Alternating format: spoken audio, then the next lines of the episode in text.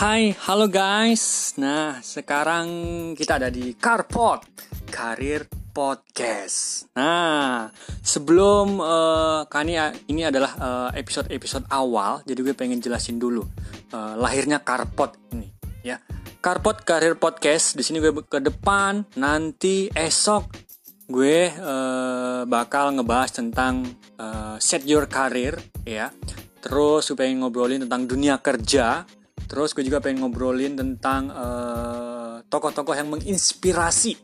Ya. Nah, mudah-mudahan dengan hadirnya podcast ini nanti bisa menjadi uh, salah satu sumber inspirasi kamu. Nah, ya. Terus nggak hanya bakal ngobrolin itu aja, tapi juga bakal coba ntar ngobrolin hal-hal uh, yang lagi uh, viral, ya, lagi viral di kota Pekanbaru yang lagi viral di Indonesia gue akan angkat juga di podcast ini tentunya uh, podcastnya akan banyak ngomongin tentang uh, karir. Ya karir itu nggak hanya tentang dunia kerja nggak hanya tentang kantoran saja tapi banyak banget karir. Yang jelas yang dari bawah naik ke atas dari atas ke bawah oh enggak ya. Mudah-mudahan uh, ke depannya uh, podcast ini bisa menjadi sumber inspirasi buat teman-teman semua Oke, terus uh, masih di Carpot, Karir Podcast. Sebelum itu uh, Mbak pepatah lama, ya lama ya jam-jam guys itu udah denger nih pepatahnya, ya. Tak kenal maka tak sayang, tak sayang maka tak cinta. Asik. Bukan ngomongin cinta juga kita ke depannya ya. Tapi sebelumnya gue pengen kenalin dulu nama uh, Rizky Hendrawan. Teman-teman boleh panggil uh, Rizky ya itu juga panggilan gue sejak kecil ya kalau di rumah sih gue lebih sering dipanggil Ricky malahan tapi gue lebih sering dipanggil Rizky ya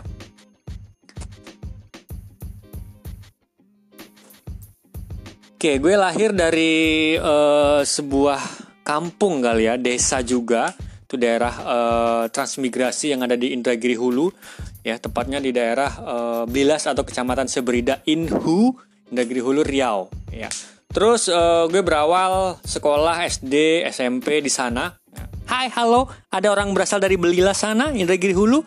Ya.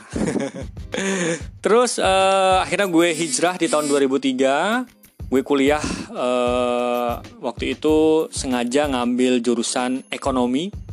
Uh, kenapa uh, gue ngambil kuliah jurusan ekonomi? Karena memang uh, di lingkungan keluarga uh, Rizky itu keluarganya uh, sukunya Minang. Nah, orang Minang itu identik dengan pedagang, nah, identik dengan pengusaha gitu ya.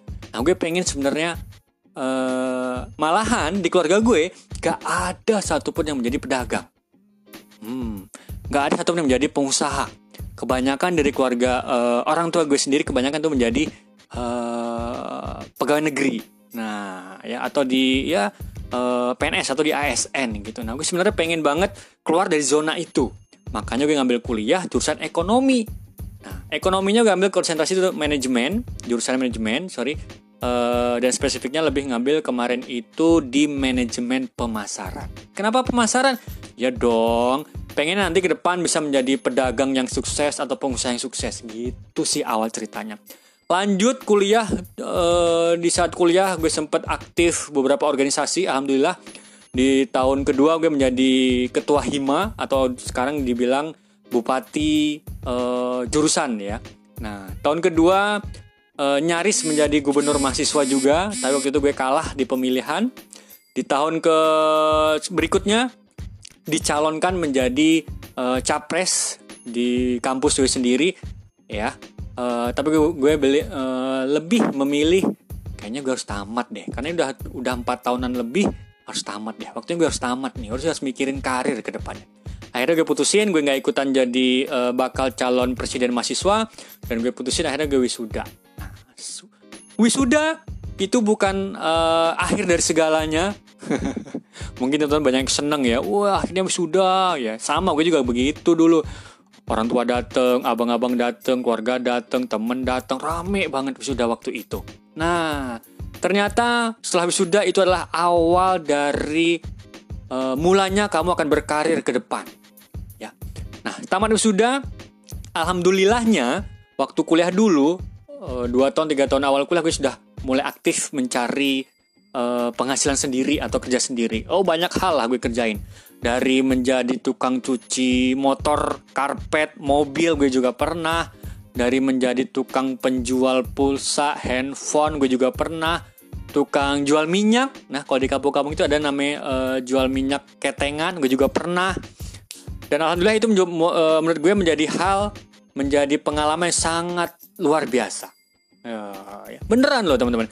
Buktinya uh, dulu gue jualan uh, handphone, jadi tukang cuci motor dan tukang cuci mobil, menjadi uh, penjual pulsa, penjual handphone, penjual minyak itu berdua sama temen waktu itu. Ya ini teman baik gue. Dan alhamdulillah teman gue itu akhirnya menjadi berapa tahun kemudian beliau menjadi uh, anggota DPRD kot sorry anggota DPRD kabupaten dua periode. Wah, keren kan? Padahal juga sama-sama, juga sama-sama uh, tukang cuci motor, tukang cuci mobil, nyuciin karpet gitu. Tapi uh, dari hal itu semua kita bisa jadi banyak belajar. Terus uh, pernah juga menjadi uh, penyiar radio. Nah, di sini nih awal gue mulai uh, banyak apa ya belajar ngasah skill di saat menjadi penyiar radio nggak mudah juga jadi penyiar radio. Waktu itu dikasih training selama tiga bulan. Wah, teman-teman seangkatan gue di bulan pertama udah naik, udah siaran. Dan gue adalah uh, apa ya uh, peserta yang paling terakhir naik siaran. Maksudnya tuh semuanya udah naik siaran, udah siaran, udah on air, udah on air. Gue nggak naik-naik. Waduh. Ya hikmahnya apa ya? Dia akhirnya hikmahnya menurut saya uh, tiga bulan itu gue belajar, belajar, belajar, belajar banyak. Alhamdulillah akhirnya gue naik setelah tiga bulan. Lu bayangin men, setelah tiga bulan training akhirnya gue siaran juga. Gimana senengnya coba? akhirnya gue siaran, uh, cuap cuap cuap cuap cuap cuap. Siaran boy banyak banget lah ya. Karena waktu kuliah itu uh, udah mulai semester semester akhir. Waktu banyak kosong. Uh, apa namanya? Banyak waktu yang terbuang juga. Akhirnya gue ngisi siaran yang banyak. Pagi jam 6 gue udah siaran sampai jam 8 Ntar siang zuhur gue siaran lagi sampai sore. Kadang malam gue siaran lagi. Pagi, siang, malam udah kayak minum obat ya tiga kali sehari. Nah, tapi seneng, seneng pasti ya. Karena banyak teman, banyak rekan, banyak ilmu, banyak pengalaman juga dari sana.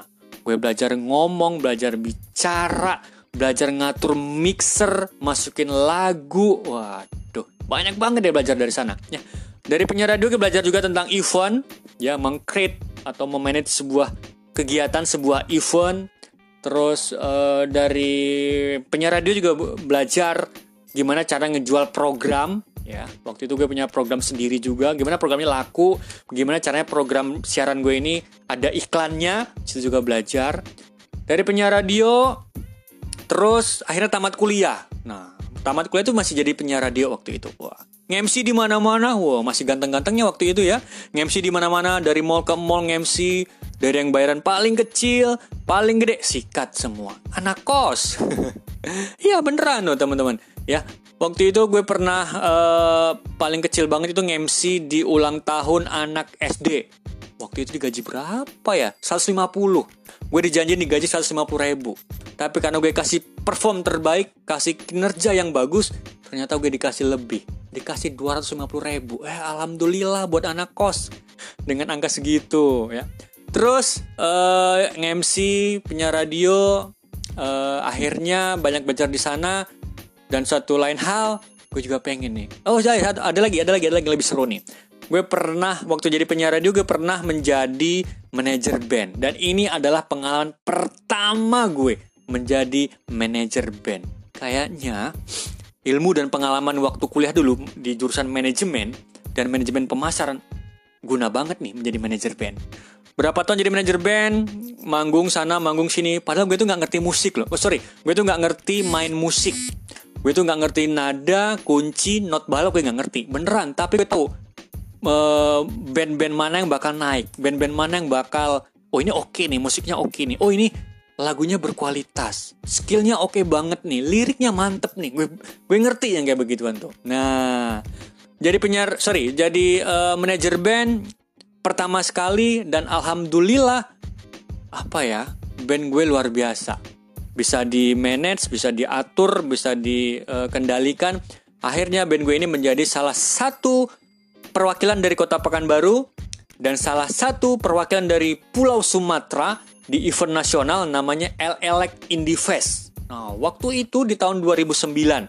Nah, jadi uh, band gue ini menjadi band ngewakilin Pulau Sumatera. Seingat gue dulu di Pulau Sumatera ada cuma ada dua band. Uh, dari Medan satu, dari Pekanbaru satu. Bangga banget ya. Terus uh, saat menjadi manajer band lah pertama kali gue naik pesawat, friend. Weh. Ya dong, diundang uh, semifinal waktu itu semifinal diundang main di Global TV. Nah, di Global TV di studionya Global TV kita main di sana live pesawat ongko diongkosin, nginep hotel dikasih. Wah, bangga dong dari Sumatera, dari Pekanbaru mewakilin gitu ya. Pas semifinal, alhamdulillah band kami lolos ke final. Wih, ini bakal lebih seru lagi nih. Band ini lolos ke final dan akan manggung lagi di JCC, Jakarta Convention Center. Ya Allah, kagak pernah ngebayangin bakal main di sini ya. Karena ini tempat yang gede banget. Lu waktu di kampung-kampung gitu ya GCC itulah tempat yang luar biasa sekali, sering ada konser-konser akbar. Akhirnya kita bakal manggung di sana. Waktu itu ada band uh, internasional juga, seingat gue ada Lenka, Raygun, ada The Ataris. Nah, yang suka band-band itu mungkin tahu ya. Kalau band lokal banyak waktu itu ada uh, Rocket Rockers, ada PW Gaskin, apalagi ya, The Benery ya, band-band indie sendiri banyak banget. Akhirnya kita final, dan alhamdulillah nggak apa-apa. di final kita nggak menang, eh, nggak uh, juga jebol di 10 besar, ya. Tapi alhamdulillah kita bisa mewakilin Pekanbaru, Sumatera di final LLX Indie Fest 2009 itu. Banyak ilmu, banyak pengalaman gue dapat dari sana. Setelah jadi manajer band, uh, kok kayaknya di dunia entertain begini ya, gitu. Apa ya?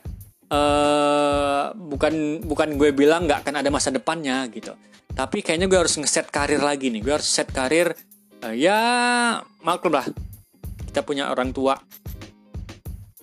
ya kita punya orang tua yang uh, pengen anaknya kerja kantoran pengen kerja uh, yang baik gitu. Akhirnya gue putusin gue ngelamar kerja ke mana-mana. Wah. Pertama gue dapat kerja gue kerja di uh, perusahaan yang menjual peralatan rumah tangga. Waktu itu lebih spesifiknya gue jualan lantai kayu. Tapi cuma satu bulan. Nggak apa-apa lah itu pengalamannya setelah itu gue cari kerja cari kerja cari kerja terus. Usaha banget masukin lamaran ke mana-mana masukin lamaran ke mana-mana. Tiap hari tiap minggu tiap waktu baca lowongan masukin baca lowongan masukin baca lowongan masukin. Akhirnya gue kerjalah menjadi seorang HR ya wah keren ya HR ya. Atau HRD atau orang dulu ngomongnya personalia. Atau orang juga sering bilang di bagian SDM nah itu di awal tahun 2010 dari sini gue banyak banget belajar ya. Nggak nyangka di posisi itu uh, gue langsung ngemegang uh, eh, HRD wilayah setiga provinsi provinsi Riau provinsi Sumatera Barat dan provinsi Kepulauan Riau. Waduh. Anak fresh graduate belum punya pengalaman di dunia perbankan belum punya pengalaman di uh, per HRD-an akhirnya gue langsung pegang tiga provinsi. Wah luar biasa. Ya. Oke bakal gue terusin lagi obrolan ini perkenalan ini tapi nanti di episode episode berikutnya. Tungguin episode serunya ya karena bakal banyak banget yang seru di Carpot Career Podcast